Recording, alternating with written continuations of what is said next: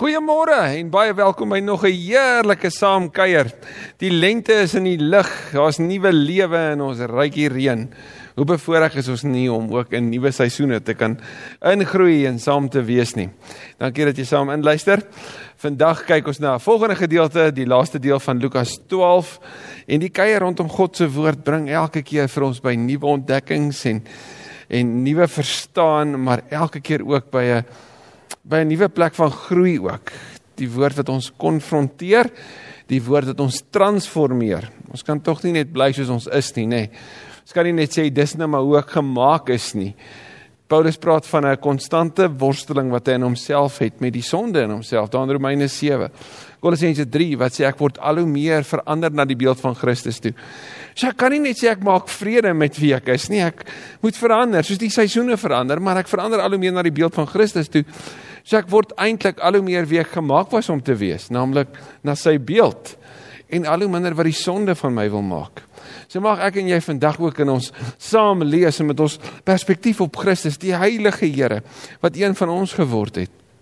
Mag ons ook vandag nuut ontdek en en en en nuut leer, maar ook vir die Gees vra. O Heilige Gees, kom en wys die donker kolle in my lewe want ek wil meer soos Jesus wees. As dit jou gebed ook is vandag, kom ons bid saam.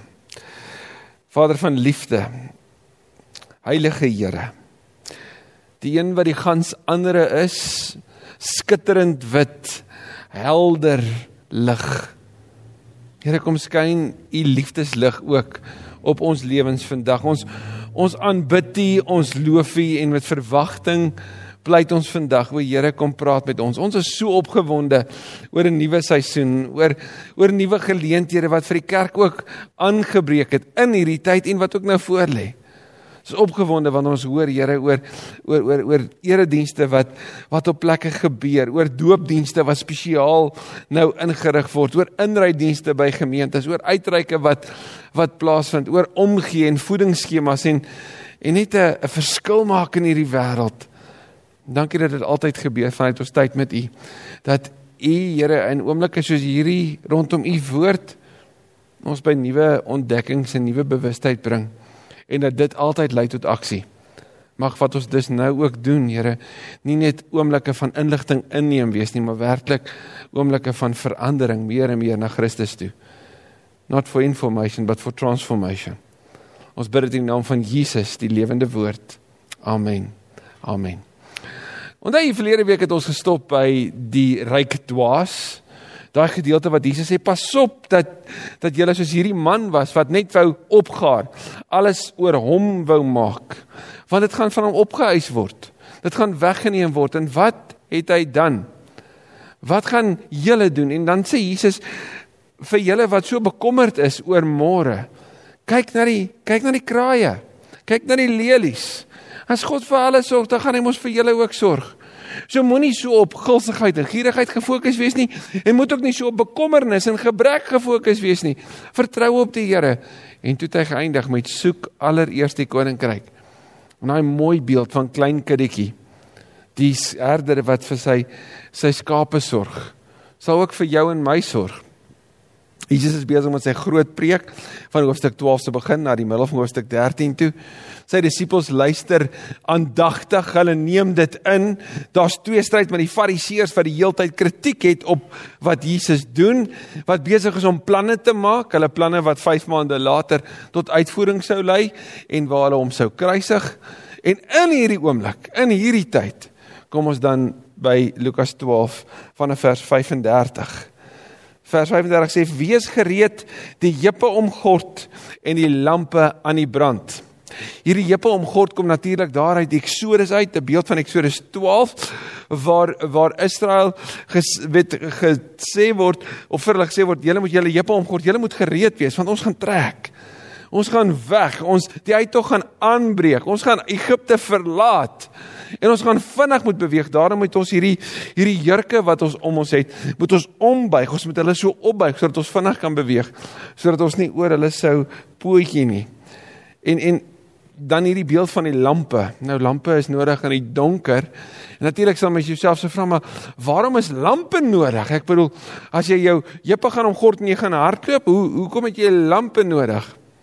En die verduideliking daarvan lê in die volgende vers, vers 36 wat sê: "Julle moet wees soos mense wat vir die eienaar wag tot hy van die bruid af terugkom, sodat hulle dadelik vir hom kan oopmaak as hy kom en aanklop." Sjoe. Waaroor gaan hierdie? Wel, die Joodse huwelikseremonie het as volg gebeur. Die die bruidegom sou die bruid vra om om om te trou en natuurlik met instemming van sy pa en haar pa en wanneer sy sê dit is reg, dan word sy eenkant toegeneem ter voorbereiding vir hulle huweliksdag. Hy gaan dan na sy pa se huis toe. Hy gaan bou. Hy gaan om 'n plek voor te berei sodat hy haar kan kom haal om haar te neem waar hy is. Klink nog as Johannes 14 vers 6, né? Nee? Dis presies die beeld wat Jesus gebruik. Dan bou hy en op 'n stadium dan sê sy pa vir hom die plek is gereed. En in 'n wêreld van eer en skaamte sê die pa wou baie seker maak dat dit wat sy seun gebou het sou eer bring aan die familie ook, né? En dan in die aand sou hy sy vriende en almal bymekaar kry. Hulle sou die fakkels aansteek en met groot vreugde beweeg na die huis van die bruid se pa toe. Wanneer hy daar aankom, sal hy vir haar sê: "In die huis van my pa is daar baie woonplek. Ek het gegaan om vir jou 'n plek gereed te maak en nou het ek teruggekom en ek het gekom om jou te kom haal." Sodat jy kan weet waar ek is.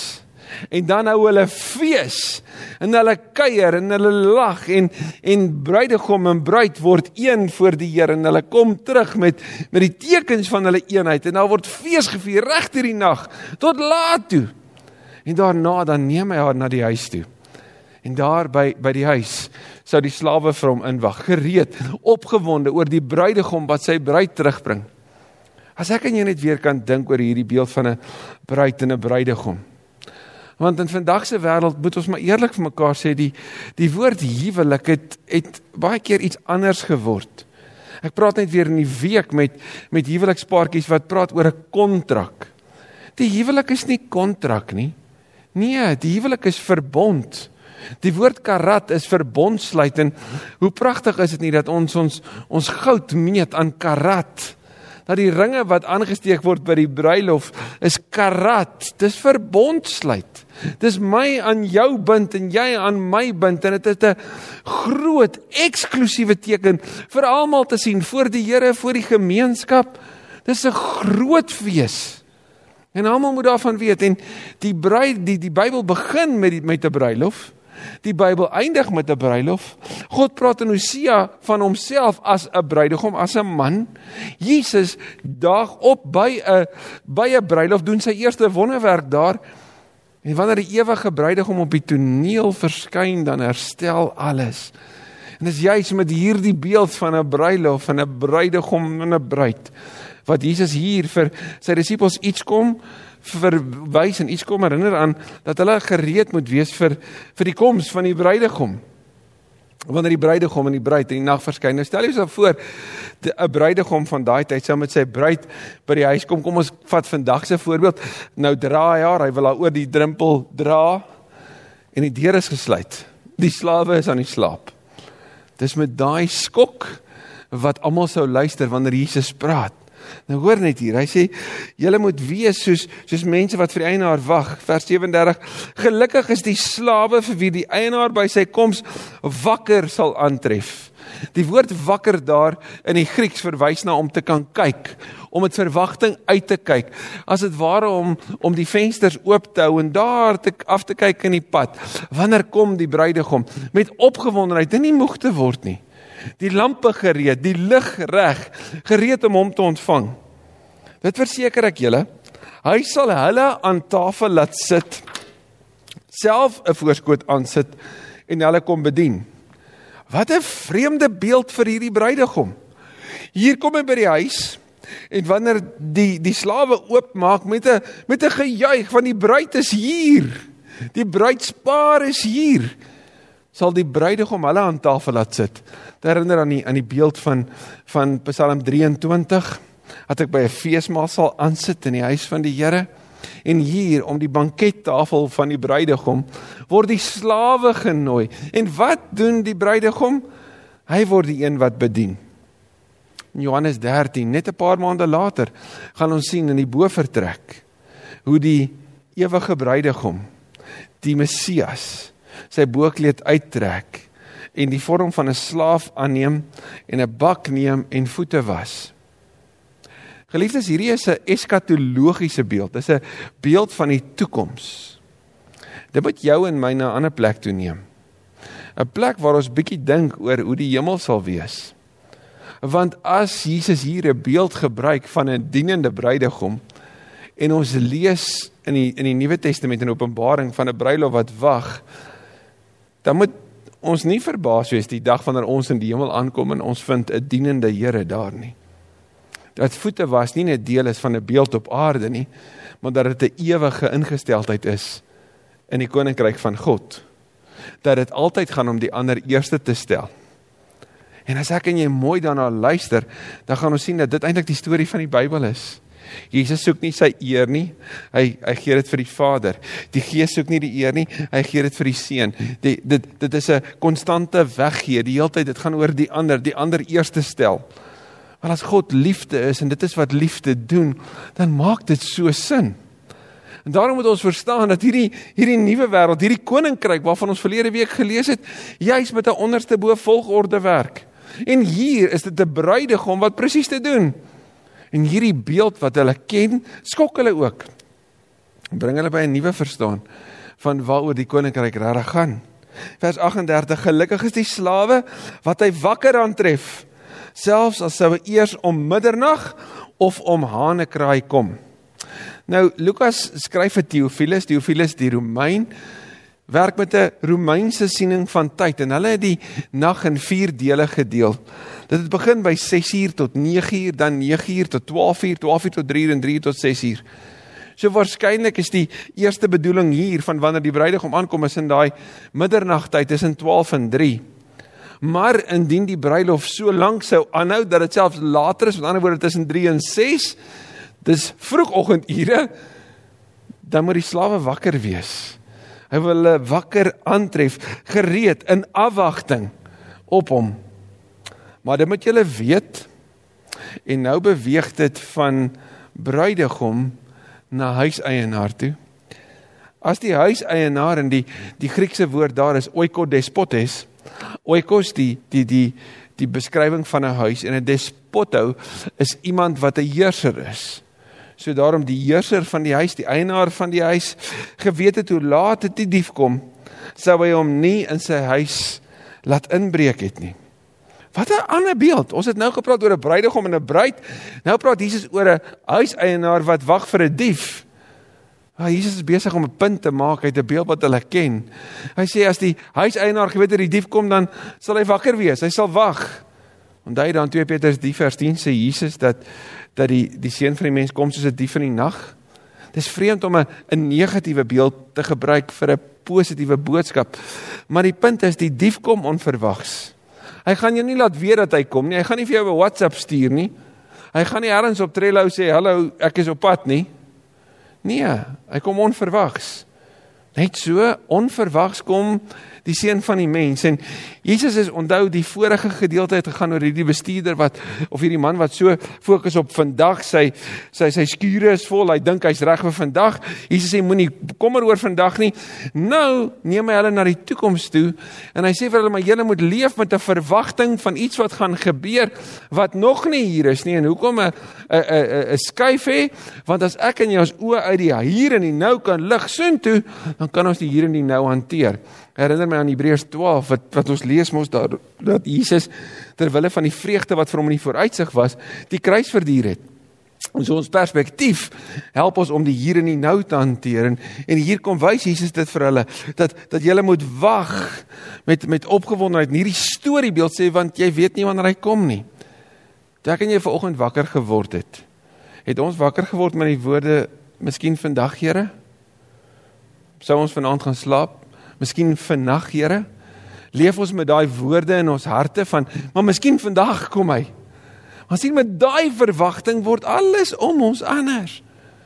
Miskien leef ons eerder soos Israel in die woestyn. Ons weet nie wanneer nie.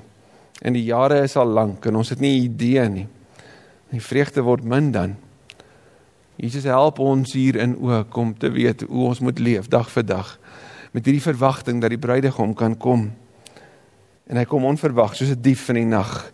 Ook julle vers 40 moet gereed wees want die seun van die mens kom op 'n tyd wanneer julle hom nie verwag nie. Dit help my sommer dadelik wanneer dit kom by gesprekke oor maar het jy die tekens van die tyd gelees? Dit kan nou wees. Ons leef nou in die laaste dae. Maar Hebreërs sê vir ons dan hoofstuk 1 al die laaste dae breek aan wanneer Jesus op die toneel verskyn. So ons leef in die laaste dae. Ja, maar ons leef dit al vandat hy gekom het. So daar is nie hierdie resep nie. En as as mense vir jou sê maar hulle kan dit uitwerk dan dan weet hulle iets wat die seun van die mens nie weet nie. Dis tog verregaande. Die woord sê vir ons, ons weet nie. Jesus sê hy weet nie, net die Vader weet. Die woord sê in 2 Petrus 3 dat hy wil nie hê dat een, iemand moet verlore gaan nie. So in hierdie tyd van afwagting terwyl die bruidegom kom, kom ons maak die bruilofsaal vol. Kom ons sorg dat ander kan inkom na die na die groot maaltyd toe, die groot fees toe. Want dit kom onverwags. En terwyl dan nog verdag is, kom ons gryp die tyd aan. Toe vra Petrus vir hom: "Here, is hierdie gelykenis net vir ons bedoel of is dit vir almal?" Sien tot op Here was Jesus baie sterk teen die Fariseërs en die Sadduseërs, die skrifgeleerdes ge, kan hy het hulle geleer op op op op hulle ingewys op hulle valsheid. En nou is hy besig om te praat oor hierdie beelde van van 'n bruilof en en van 'n dief wat kom en van die onverwagse. En natuurlik wil Petrus nou weet Here terwyl hy nou hierdie goed sê, nou nou moet ons luister. Want natuurlik as hy besig om te luister. En dan draai Jesus na Petrus toe en hy antwoord hom en deur sy antwoord wys hy daarop dat hierdie het ook op jou en my te doen. Hierdie is nie net vir hulle wat nie by die by die bruilof is nie, maar vir almal wat wat genooi is en ons almal moet luister. Vers 42 en die Here antwoord: Wie is eintlik die getroue en verstandige bestuurder? Die woord bestuurder daar gaan oor iemand wat aangestel is oor ander. Vir wie die eienaar oor sy ander slawe sal aanstel om hulle op 'n tyd hulle kos te gee. Wie is eintlik die een wat verstandig is wat die die ander slawe, die ander doeloi, die ander dienaars versorg? En na hulle kyk wat hulle voed soos 'n herder doen. Vers 43 dit is die man vir wie sy eienaar by sy tuiskoms so aan die werk sal kry gelukkig is hy. Werk is 'n voorreg. Werk is 'n verantwoordelikheid en werk is 'n vreugde. Vir wie is die gelukkige bestuurder dan? Hy wat aan die werk is. Die vraag natuurlik is nou vir wie verwys Jesus hier? Die direkte konteks, hy praat met Petrus. So hy praat waarskynlik op daai oomblik na die hulle wat die kerk sou lei van hier af vorentoe. Praat hy dalk by die skrifgeleerdes vanuit die vorige, die fariseërs wat die gemeenskappe moes moes dien? Moontlik. Die die direkte konteks wys ons hy praat met Petrus. Die universele waarheid is hy praat met almal wat in 'n verantwoordelike posisie is om te sorg dat hulle reg doen. Hulle wat veral ook in die kerk verantwoordelike posisies het om te sorg dat almal goed gehanteer word, goed versorg word, goed bedien word. Vers 44 Ek sê vir julle die waarheid, sy eienaar sal hom aanstel oor alles wat hy besit, weer van die klein na die groot. Maar as die slaaf by homself sê, my eienaar draai te lank om te kom, en hy die slawe mans en vroue begin slaan terwyl hy self eet en dronk word, hierdie gaan oor die misbruik van mag. En dit is ongelukkig so dat in bepaalde kontekste daar ook sekere leiers, leiers in die kerk is wat dink hulle woorde en hulle dade en hulle optrede is is eintlik vir hulle gegee om te maak net soos wat hulle wil. Hulle het eintlik carte blanche. Niemand gaan hulle vervolg nie. Niemand gaan hulle eers tot verantwoording roep nie. Niemand gaan eers sê maar jy's mos nou besig om jou situasie te misbruik. Jy's besig om ander skade aan te doen om uit jou posisie van mag te beweeg. Dit gebeur nie net in in in die korporatiewe wêreld nie, dit gebeur in die kerk. Dit gebeur oral waar mag misbruik word. En die sondige gehardheid van die mens waarteen ons moet stry, bring ons by 'n plek van magmisbruik. As ons dit toelaat, as ons daarteen beklei en ons lewe vir die Here gee, dan sal ons hierdie bestuurders wees wat hulle voed en versorg. Jesus sê maar maar hierdie mense wat hulle mag so misbruik, hulle moet mooi luister en hoor mooi vers 46. Sal die eienaar van die slaaf kom op 'n dag wat hy dit nie verwag nie, soos daai dief in die nag. En op 'n uur wat hy nie vooraf weet nie. En dan sal sy eienaar hom laat doodmaak en hom die lot van die ontroues laat deel. So jy het nie carte blanche nie. Jy kan nie maak soos jy wil en dink dit is oukei okay nie. Jy kan nie sê maar maar my ewige tuiste is verseker en nou kan ek maar leef soos ek leef, doen wat ek doen. Mense hanteer soos wat ek wil nie. Dis maar hoe ek is nie. Nee. Daar's 'n groot waarskuwing. Want die lot van die ontroues is hulle wat nie getrou aan die koning leef nie. En wat is hulle lot? Die ewige verdoemenis. En Jesus is hier besig om 'n skeiding te bring tussen die getroues en die ontroues en hoe moet die getroues leef? En Petrus moet luister. Want hy moet die hoeksteen word van die kerk. Hy moet eh, die die die die, die een wees wat wat wat die rots is waarop Jesus sy kerk gaan bou. Hy moet mooi luister. Vers 47: Die slaaf wat geweet het wat sy eienaar wil hê, maar wat nie gereed gemaak het of volgens die wil van sy eienaar gehandel het nie, sal 'n swaar straf kry. Dis 'n harde woord hierdie. Dis ook 'n ander woord om te praat van ons as slawe en God as ons eienaar. 'n Slaaf het nie 'n sê nie. 'n Slaaf kan nie onderhandel nie. As die eienaar sê gaan soontoe, dan sê die slaaf ek doen dit. Ons leef in 'n wêreld waar as as iemand vir jou sê om iets te doen, dan klink dit amper asof dit 'n onderhandeling is. Ja, ek's nie nou lus nie, ek sal net nou. Soos kinders vir ouers dikwels sê. Ja, ek sal nou nou. Ja, ek wil net eers. Ek wil net eers dit, ek wil net eers dat en dan gebeur dit nie dadelik nie. Maar as ek weet ek is 'n slaaf en God is die eienaar, dan doen ek wat hy vra. Maar as ek dit nie doen nie, dan is daar 'n swaar straf. Want sien, die vraag hier of is leef ek volgens die wil van my eienaar? Onthou jy die ou bekende lied, soek allereers die koninkryk van God, die die beruiming van Matteus 6:33, soek na die wil van die Heer. Alles wat nodig is, sal die Vader dan vir julle gee uit sy oorvloed. Leef ek as slaaf en my eienaar kan van my vra enigiets enige tyd van die nag. Jy sal weet jy's 'n slaaf wanneer mense jou soos 'n slaaf begin hanteer en jy moet dien en jy nie erkenning kry nie en dit teen jou grein gaan en dit vir jou by tye moeilik is. Dis wanneer jy eers by 'n slaaf uitkom. Maar tot op Here is dit maar gerieflik en maklik. Ons moet maar dit eerlik vir mekaar sê in meeste kontekste vir gelowiges in hierdie wêreld. Ja, daar is ander. Maar hoor mooi, as jy 'n kind van die Here is, is jy ook 'n slaaf van jou eienaar. 'n Vrywillige slaaf wat aan die werk is volgens die wil van die eienaar. En as jy teen sy wil leef, is daar 'n groot waarskuwing vir jou en vir my. Vers 48: Maar hy wat nie geweet het nie en dinge gedoen het wat straf verdien, sal 'n ligte straf kry. Van elkeen aan wie baie gegee sal baie geëis word en van hom aan wie baie toevertrou is sal meer gevra word. Van die kommentaare sê daar's 'n verskil tussen unfaithful en ignorant. Die ontroues is hulle wat nie getrou leef aan die wil nie, maar hulle het geweet wat van hulle gevra word. Die ignorant is hulle wat nie geweet het nie. En dit is natuurlik een van die heerlikste verskonings om te mag gebruik, nê. Nee. As jy verkeerd gedoen het en iemand vir jou sê, "Hoekom het jy dit gedoen?" Jy sê, "Ek jammer, ek het nie geweet nie." Dis ongelukkig so 'n gerieflike verskoning dat hulle wat wel geweet het dit ook misbruik. Maar wat gebeur indien jy nie dit geweet het nie? Staan jy is jy dan vry? Kom jy skotvry daarvan af? Word daar gesê, "O, gits, okay, ek het nie geweet ek moet binne die spoedbeperking ry nie." Ehm um, nee, die feit dat ek en jy nie weet nie, maak nie dat ons kan skotvry daarvan afkom nie. Ek is steeds verantwoordelik om die landswette te ken, om die verkeerswette te ken. So ek moet daar volgens handel. As ek nie weet nie, gaan ek straf kry. Ligte straf of swaar straf? hang regtig af in hierdie konteks, maar straf is straf en straf kom. So ek kan nie sê ek het nie geweet en dan dink dit gaan alles fyn wees nie. Jesus praat hier oor 'n oor 'n slaaf wat nie geweet het nie en 'n ligte straf tog steeds kry. So die verantwoordelikheid lê op elkeen van ons en hoor mooi weer hierdie van hulle wat baie gegee is word baie gevra, word baie geëis. Dis weer daai beeld van leen. So wat maak ek met wat ek gekry het? Wat maak ek met alles wat ek van die woord weet al? Is ek besig om my toe te laat om my te verander? Want God gaan ergens van my dit ook vra. Wat het jy gemaak met wat ek vir jou gegee het? Wat het jy gemaak met alles wat ek vir jou ge, geleen het?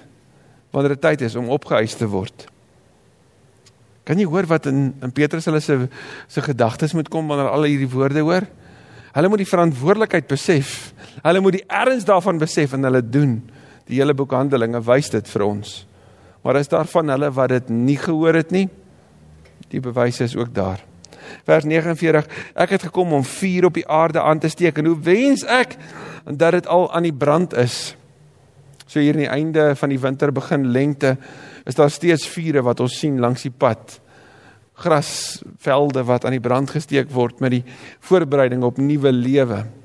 En wanneer 'n klein vuurtjie aangesteek word dan hardloop dit. Ek onthou 'n paar jaar terug toe dit daar by Sondela so gebrand het. Dit die vuur het letterlik so gespring en dit het, het verskriklik vinnig versprei. Jesus praat hier van 'n vuur en natuurlik is die vraag watter vuur praat hy van?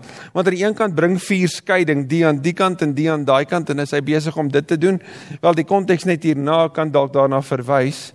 Maar die direkte konteks praat van iets anders. Want soveel as wat vuur louter en soveel as wat vuur in die donker lig bring, is vuur ook pynlik en is dit ook 'n 'n teken van oordeel en wraak. So wat gebeur nou? En ons sien die die die volgende vers. Vers 50. Maar daar is 'n doop waarmee ek gedoop moet word en dit sal my heeltemal in beslag neem tot dit afgehandel is. Die woord baptizo in hierdie konteks verwys om heeltemal deurdrenk te wees. En hierdie doop binne in hierdie konteks, hierdie vuur van loutering wat brand, hierdie vuur van vergelding, dui op die kruis. En Jesus sê dit gaan my heeltemal in beslag neem en as ons die voorreg het om later by die die tuin van Getsemane te gaan staan, gaan ons die pyn hiervan sien, gaan ons die sweet van van van van druppels wat soos bloed lyk, gaan ons hoor van, ons gaan dit lees, ons gaan dit kan ervaar. Jesus sê dis wat kom. Maar hy sê dit moet kom en dit moet verbygaan want God se vergelding op die sonde moet verbygaan. Die prys van die sonde moet betaal word volledig betaal word sodat genade kan leef en 'n nuwe wêreld kan aanbreek. Wie sê daar's 'n doop waarmee ek gedoop moet word en dit sal my heeltemal in beslag neem. Van die kommentaare praat van to be overwhelmed with catastrophe. Totdat dit afgehandel is. Die vuur van pyn en vergelding. Vers 51. Dink julle dat ek gekom het om vrede op aarde te bring? Nee, ek sê vir julle verdeeldheid. Want van nou af sal daar 5 mense in een huis onderling verdeel wees, 3 teen 2 en 2 teen 3. Hierdie is die Hebreëse of die Joodse mashal waarin jy 'n 'n beeld gebruik wat wat eintlik die die teenoorgestelde is. Dis 'n paradoksale teenstelling. Jesus sê, dink julle ek het vrede gebring, maar hy is die vredevors. So wat bedoel hy? Natuurlik het hy vrede gebring. Hy het die vrede kom herstel. Dit wat verbreek is, het hy kom kom herstel. So waarna verwys hy dan hier? Hy verwys na hulle wat kies om hom te volg en hulle wat teen hulle draai. Ons sien die evangelie konfronteer jou en my en ek kan nie neutraal voor Jesus staan nie. Kies ek vir Jesus en wat hy ons leer oor die lewe, dan beteken dit dat ander teen my sal staan. Ek kan nie hierdie universele waarhede leef wat sê alles is oukei okay nie want Jesus bring my by 'n keuse. So dis volledig vir hom of dit is teen hom. En as dit teen hom is, dan dan is daar gevolge. As dit vir hom is, dan is daar gevolge. So dis waaroor hierdie verdeeldheid gaan. Gaan oor hierdie keuse. Vers 53: Hulle sal verdeeld wees. Vader teen seun, seun teen vader, moeder teen dogter, dogter teen moeder, skoonmoeder teen skoondogter en skoondogter teen skoonmoeder. En ons sien dit in families vandag nog waar iemand tot bekering kom maar iemand hulle lewe vir die Here gee. Daar's verdeeldheid want 'n nuwe wêreldbeeld word jou wêreldbeeld as jy vir Jesus volg. Maar dan is dit vreemd verander. Want hulle verstaan nie hierdie nie. Hulle verstaan nie 'n nuwe taal, 'n nuwe optrede, 'n nuwe dissipline in jou lewe nie. Totdat hulle nie ook by Jesus uitkom nie. En as jy in so 'n situasie op hierdie oomblik is, skep moed. Jesus sê dit sou gebeur.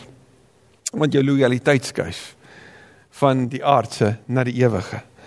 Vers 54. Jesus het ook vir die skare gesê: As julle 'n wolk in die weste sien opkom, sê julle dadelik dit gaan reën en dit gebeur ook. Aan die weste kant was die see gewees en as die wolke van daar af gekom het, sou hulle dit natuurlik sê. Die wolk natuurlike verwysing ook vanuit die Ou Testament, die Shekinah, God se teenwoordigheid oor Israel, die wolkkolom en die vuurkolom, die Here wat oor hulle heers. Maar Jesus sê julle kyk na die na die aarde en julle sien die tekens. Julle sien die hier en die nou. Jy gaan nou sien hy wys, maar julle sien nie God se wil wat hier voor julle afspeel nie. Vers 55 en as die suidewind waai, dis waar die woestyn was. Sê julle dit gaan warm word en dit word warm.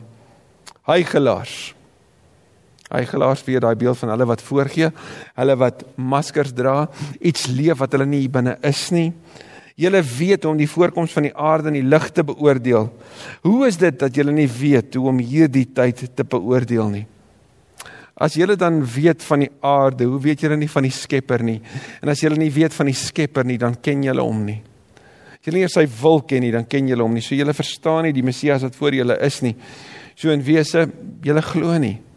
Want julle leef nie reg nie. Julle gee voor, maar dis nie waar in julle wese nie. Waarom maak julle nie vir julleself uit wat die regte ding is om te doen nie? Weereens 'n keuse. Terwyl jy saam met jou teestander op pad is hof toe, moet jy moeite doen om die saak met hom te skik. Sodat hy jou nie voor die regter sleep en die regter jou aan die polisie oorgee en die polisie jou in die tronk sit nie. Nou vanuit die Romeinse bestel was dit so dat 'n skuldeiser die reg gehad het om die skuld van iemand te eis. En dit sou op die volgende wyse gebeur het: 1 As die die skuldenaar nie die die prys kon betaal nie, kon hy hom gedwing het om vir hom te werk. En as hy nie self kon werk nie, sy familie gedwing het om vir hom te werk tot die skuld klaar betaal is of hy kon hom in die tronk laat stop het. En nou sê Jesus as jy 'n 'n skuldeiser het, Maak reg. Nou onthou jy ons het gepraat van 'n lening dat jou lewe geleen is en dat dit van jou geëis word.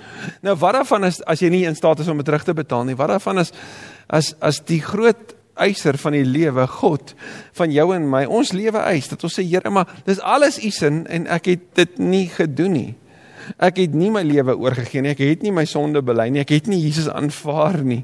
Dit wat hy vir my as geskenk gee, het ek nie geneem nie. Wat gaan ek betaal dan? Want natuurlik wys Jesus daarop ook. Wie wie gaan ek kan kan inroep om my te help? As ek met kom ons sê ek doen 3 sondes 'n dag, dit beteken ek sit so met 70000 sondes 'n gemiddelde lewenswyse. Wat gaan ek doen met 70000 skuld eise teen my? Wie gaan ek kan inroep? Gelukkig sê Jesus dit te les daai. Jou skuld is betaal as ek my lewe vir hom gee. Maar as ek dit nie het nie, hoor die die gevaar hierin oor die ernstige oproep van die Here. Die die ironie van is die godsdienstpolisie staan daar, die fariseërs. Hulle wat daar is om die skuld teen Jesus op te te te skryf om al hierdie foute te probeer soek. Lukas 11 daarvan vers 54 vir ons daarna verwys.